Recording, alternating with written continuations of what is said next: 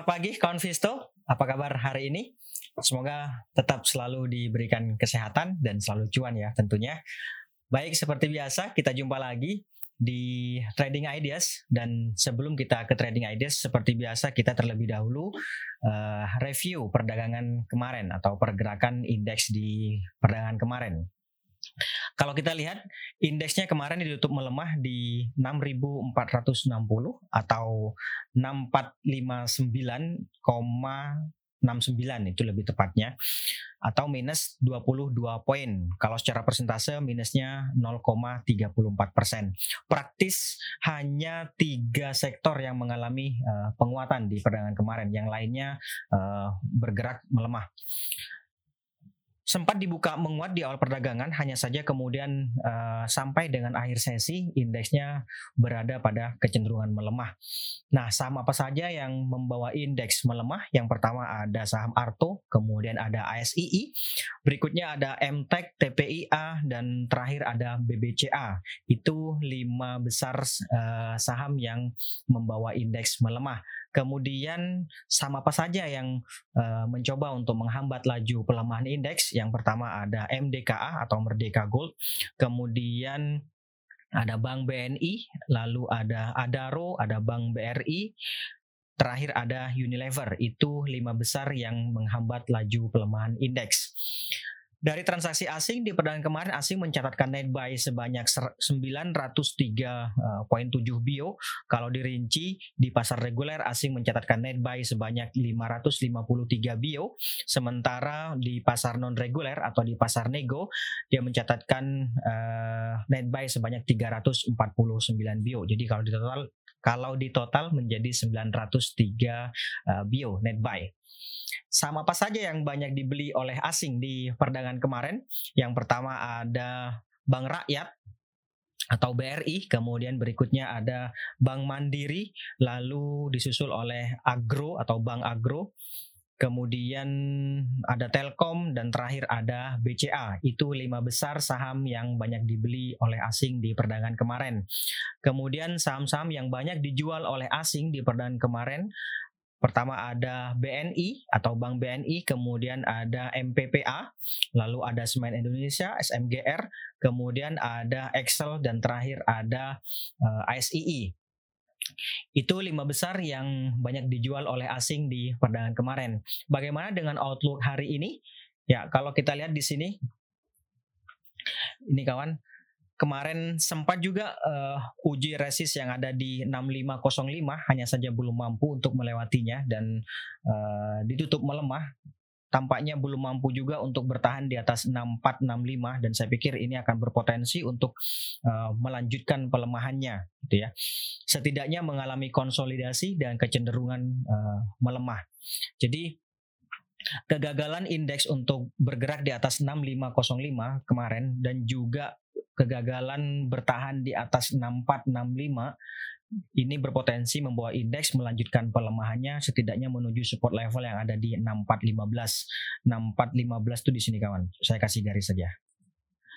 6415. Ya, di situ. Ini dia 6415 ada potensi untuk uh, cenderung melemah ke uh, support level ini gitu ya. Ring pergerakan diperkirakan antara 6415 sampai dengan 6505 di sini kawan. Gitu.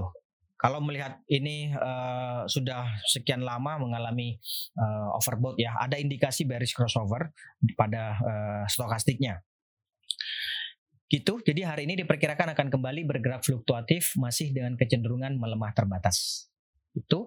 Kemudian ide trading yang pertama ada Teens. Barangkali ada uh, yang mau share ide tradingnya boleh disampaikan. Kita nanti buka bareng-bareng. Pertama ada Teens. Oke. Okay. Nah, saya pikir cukup menarik ini Teens. Kalau kita lihat di sini, Teens ini kan sebenarnya bisa dibilang idealnya adalah buy on breakout karena sampai dengan saat ini dia masih mencoba untuk bergerak di atas 1695 atau belum mampu bergerak di atas 1695. Jadi sebenarnya idealnya adalah buy on breakout gitu ya. Tetapi kalau kita telah lebih lanjut di sini terjadi golden cross EMA 50-nya saya pikir ini juga uh, cukup menarik dan kalau melihat weekly-nya coba kita lihat weekly-nya ya Saya besarkan dulu. Nah ini dia. Weekly-nya cukup menarik. Apalagi uh, MACD-nya di sini. Kita coba lihat MACD-nya perbesar. Nah ini dia. MACD-nya dia mengalami golden cross. Tapi ini weekly gitu ya. Jadi saya pikir ini masih menarik. Apalagi untuk short to medium-nya. Kalau untuk uh, short term-nya saya pikir bisa dipertimbangkan untuk ini kawan. Trading buy gitu ya. Jadi trading buy saya pikir uh, cukup menarik. Boleh di trading buy bisa di 1650 sampai dengan 1685 saya pikir boleh di situ. Jadi kalau misalnya dapat harga di 1650, saya pikir take profitnya boleh dipertimbangkan di 1735. Resistennya pertama ada di 1735, kemudian berikutnya ada di 1770. 1770 itu di garis yang biru ini kawan. Gitu. saya pikir masih cukup menarik ini untuk uh, teens gitu ya. Stop lossnya nanti kalau ternyata harga melemah sampai di bawah 16.10 saya pikir uh, bisa dipertimbangkan untuk stop loss 16.10 itu di bawah closing uh, di bawah low kemarin. Di bawah low kemarin uh, bisa dipertimbangkan untuk uh, stop loss. Gitu untuk timah. Kemudian berikutnya ada Tekim. Tekim, oke, okay. sebentar. Ya, kalau melihat pergerakan Tekim di perdagangan kemarin dia kan mampu untuk menguat tuh, berada di uh, eh, 8.000, tepatnya uji resist di 8.000. Saya pikir ini idealnya uh, boleh buy on breakout bisa buy on breakout di atas 8000 yaitu di 8025 sampai dengan 8100 saya pikir masih boleh gitu ya hampir sama dengan uh, tadi tins kalau melihat stokastik ini kan tampaknya cenderung melemah. Tetapi coba kita lihat ininya weekly uh, bukan weekly-nya apa? MACD sorry EMA 50-nya yang mengalami golden cross saya pikir ini memberikan peluang untuk uh, mengalami bullish continuation. Tapi syaratnya yaitu tadi harus bergerak di atas 8000 terlebih dahulu.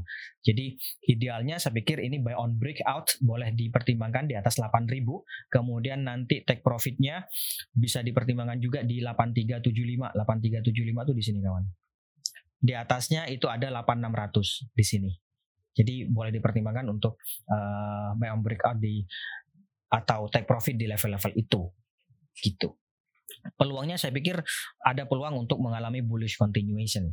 Setelah selama lebih dari sepekan terakhir dia mengalami konsolidasi kalau break di atas 8000 ini saya pikir menarik. Gitu ya. Oke. Gitu. Stop lossnya nanti kalau harga melemah sampai di bawah 7625 jadi kalau ternyata uh, berbalik melemah sampai di bawah 7625 saya pikir bisa dipertimbangkan untuk uh, keluar terlebih dahulu. Itu untuk Tekim. Berikutnya ada BTN. Coba kita lihat BTN. Ya, di sini kemarin BTN mampu di YouTube menguat berada di 1590 tampaknya sedang mengalami konsolidasi selama beberapa hari terakhir dan uh, masih mencoba untuk bergerak di atas MA 200. Yang jelas hingga saat ini dia belum mampu melewati MA 200 ini. Nih ya, MA 200 yaitu di 1615. Kegagalan harga untuk melewati level tersebut saya pikir ada potensi untuk mengalami koreksi jangka pendek. Jadi bagi yang sudah punya boleh juga dipertimbangkan untuk take profit take profit boleh di uh, 1625 1625 sampai dengan 1600 saya pikir uh, bisa dipertimbangkan untuk take profit di level-level itu. Nanti bottom fishingnya ada di 1550 sampai dengan 1530. 1530 di sini kawan. Nih. Itu ya. Boleh dipertimbangkan untuk uh, apa namanya? By uh, bottom fishing di level-level itu. Jadi kalau melihat uh, stokastik yang mengalami bearish crossover ini, saya pikir ada potensi untuk mengalami koreksi jangka pendek. Gitu. Buybacknya nanti kalau harga menguat sampai di atas 1650, kalau ternyata harga mampu menguat hingga di atas 1650, bisa dipertimbangkan ikutan gitu atau buyback gitu ya. Itu untuk uh, BBTN. Kemudian berikutnya ada lagi Wika. Wika. Oke. Nah, ini dia. Wika kemarin juga ditutup melemah dan tampaknya juga belum mampu untuk bergerak di atas 1350 ini kawan. saya pikir ini bisa juga dipertimbangkan untuk take profit. Kenapa? Karena melihat uh, stokastiknya yang mulai bergerak meninggalkan wilayah overbought, saya pikir ada potensi untuk melanjutkan uh, pelemahannya. Jadi bisa dipertimbangkan untuk sell on strength atau uh, take profit boleh di 13.40 sampai dengan 13.20. Saya pikir sih masih uh, oke okay di level-level tersebut. Bottom fishingnya di 12.55, 12.55 itu di sini kawan di garis yang biru ini. Gitu ya. Bawahnya lagi ya 12.40. 12.40 di bawahnya dikit lah gitu ya. Buybacknya nanti kalau harga mampu menguat sampai di atas 1370. Uh, Jadi kalau uh, in, kalau bisa di atas 1370 saya pikir uh, boleh dipertimbangkan untuk buyback karena peluangnya saya pikir akan uji MA 200 yaitu ada di 1420 di sini kawan. Gitu. Gitu ya untuk uh, Wika. Kemudian berikutnya ada Breeze K. Nih Breeze saya pikir cukup menarik juga Bris meskipun kemarin ditutup melemah di 2090 tetapi sebenarnya dia masih mengalami konsolidasi dan idealnya ini adalah buy on weakness. Ya memang cenderung melemah pada uh, stokastiknya makanya idealnya adalah buy on weakness. Buy on weakness boleh dipertimbangkan di level psikologis 2000 saya pikir uh, boleh di level-level itu atau 2030 di atasnya juga uh, boleh. Coba kita lihat weekly-nya bagaimana. Nah, ini dia weekly-nya kawan. Ya, coba saya perbesar dulu. Ini dia weekly-nya. Seperti yang tadi saya sampaikan bahwa ini masih mengalami uh, konsolidasi. Kalau melihat stokastik weekly-nya, ini kan ini mengalami uh, bullish crossover dan tampaknya mulai bergerak meninggalkan wilayah oversold. Saya pikir ada peluang untuk menguat dalam uh, jangka pendek. Tetapi kembali lagi, idealnya buy on weakness. Ini kalau uh, mau trading jangka pendek atau short term gitu ya. Kalau uh, short to medium ya boleh saja sih spekulatif buy boleh gitu. Misalnya hari ini dia menguat di atas 2100 atau 2110 ya boleh juga spekulatif buy gitu. Tapi idealnya sampai dengan saat ini adalah uh, masih buy on weakness gitu ya. Stop lossnya di berapa? Stop lossnya nanti kalau harga terus melemah sampai di bawah 1940 kalau sudah di bawah 1940 saya pikir boleh dipertimbangkan untuk uh, stop loss. 1940 itu di sini kawan. Sebentar ya di 1940 ya nih di sini. Boleh dipertimbangkan untuk uh, stop loss jika harga bergerak di bawah itu. Itu saya pikir. Ada lagi yang lain? Ada lagi? Tebik. Tebik Ya. Sampai dengan saat ini dia masih uh, mengalami konsolidasi selama empat hari terakhir. Idealnya adalah buy on breakout, boleh dipertimbangkan di atas 2910 ya. Buy on breakout di atas ini atau kalau mau buy on weakness, saya pikir boleh di 2840 di bawah-bawah sini kawan. Coba kita lihat weekly-nya bagaimana. Nah, ini masih uptrend. Saya pikir ya cukup menarik, masih menarik. Tapi ya sekali lagi, uh, idealnya buy on breakout di atas 2910. Kita tunggu hari ini, apakah dia bisa bergerak menguat di atas 2910. Kalau bisa di atas itu, saya pikir bisa juga ikutan uh, spekulatif buy. Gitu ya. Ada lagi? Ada lagi BRPT. Ya, BRPT kemarin dia ditutup melemah. Uh, saya pikir masih ada potensi karena melihat tingginya apa namanya tekanan jual yang terjadi di perdagangan kemarin tampaknya ada potensi untuk melanjutkan pelemahannya. Jadi idealnya ini buy on weakness boleh di 900 ya. Di 900 atau di bawah 900 juga boleh. Tapi kalau hari ini dia menguat sampai di atas 945 sebentar sampai di atas 945 saya pikir boleh ikutan spekulatif buy. Jadi idealnya menurut saya daripada nunggu di bawah uh, boleh buy on breakout di atas 19 eh, sorry di atas 945 saya pikir boleh dipertimbangkan untuk uh, ikutan gitu ya. Itu untuk uh, BRPT. Berikutnya ada lagi ada lagi Antam.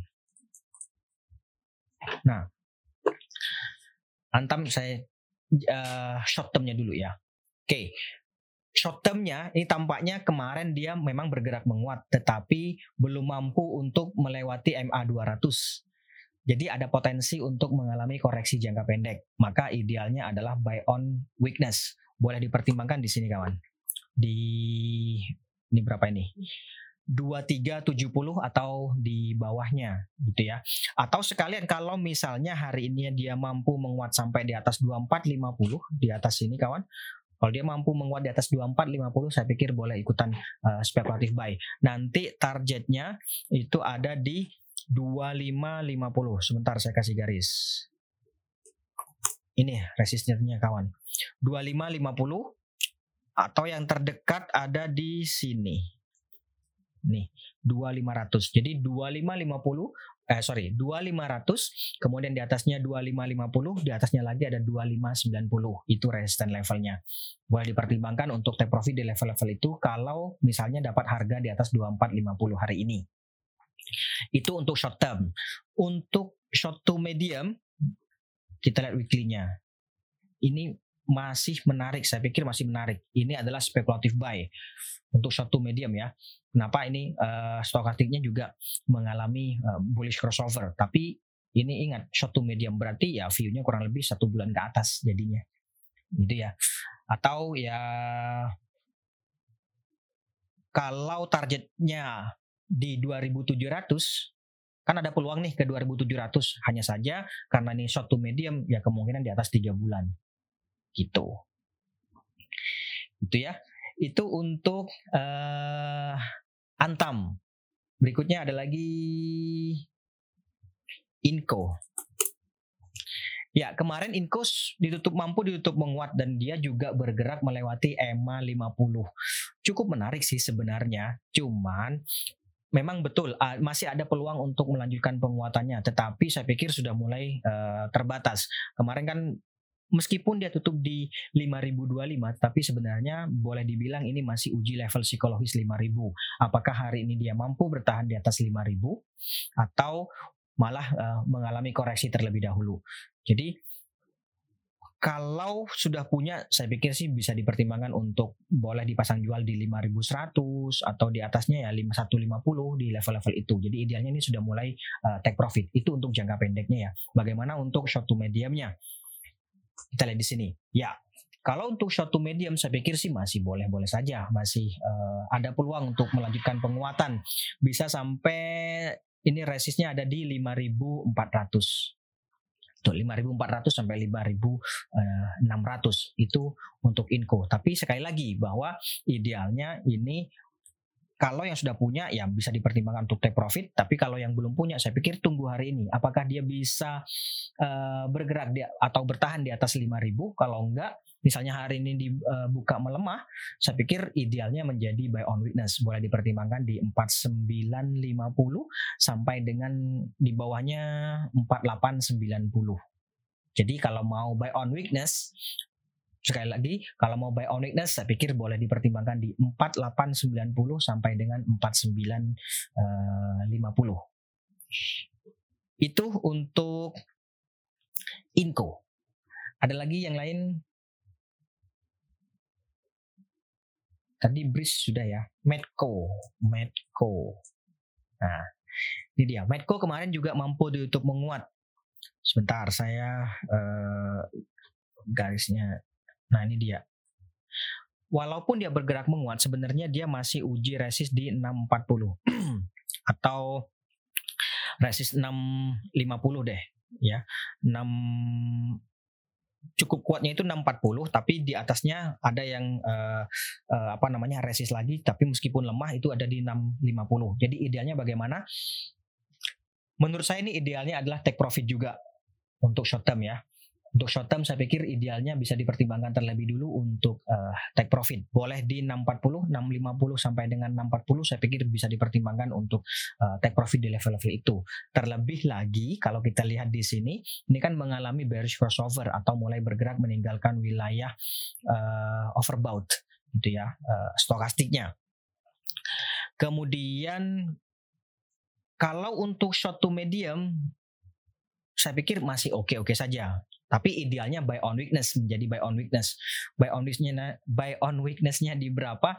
Saya pikir idealnya di 580 sampai dengan 600. Jadi kalau misalnya mau buy on weakness, uh, pengen atau tertarik dengan Medco, saya pikir uh, idealnya buy on weakness. Tapi kalau yang sudah punya bisa juga sih dipertimbangkan untuk take profit di 640 atau 650 gitu ya. Atau kalau mau nambah ya nggak apa-apa mau nambah juga boleh. Jadi jadi di hold dulu yang lama kemudian uh, mau nambah tapi nunggunya di bawah berarti di 580 atau di uh, eh, 600 gitu. Paling dekat sudah paling dekat itu 580 uh, 600 kalau ditanya idealnya bagaimana idealnya take profit tadi. Gitu ya. Jadi idealnya take profit dulu di 640 atau di 650 gitu kawan. Gitu untuk uh, Medco. Ada lagi? Ya. Baik saya pikir itu dulu mungkin kawan Visto untuk hari ini. Kita jumpa lagi uh, besok. Terima kasih atas kehadiran dan partisipasinya hari ini. Uh, sekali lagi mudah-mudahan nggak bosan gitu ya Terima kasih dan selamat pagi. Salam investasiku for better tomorrow.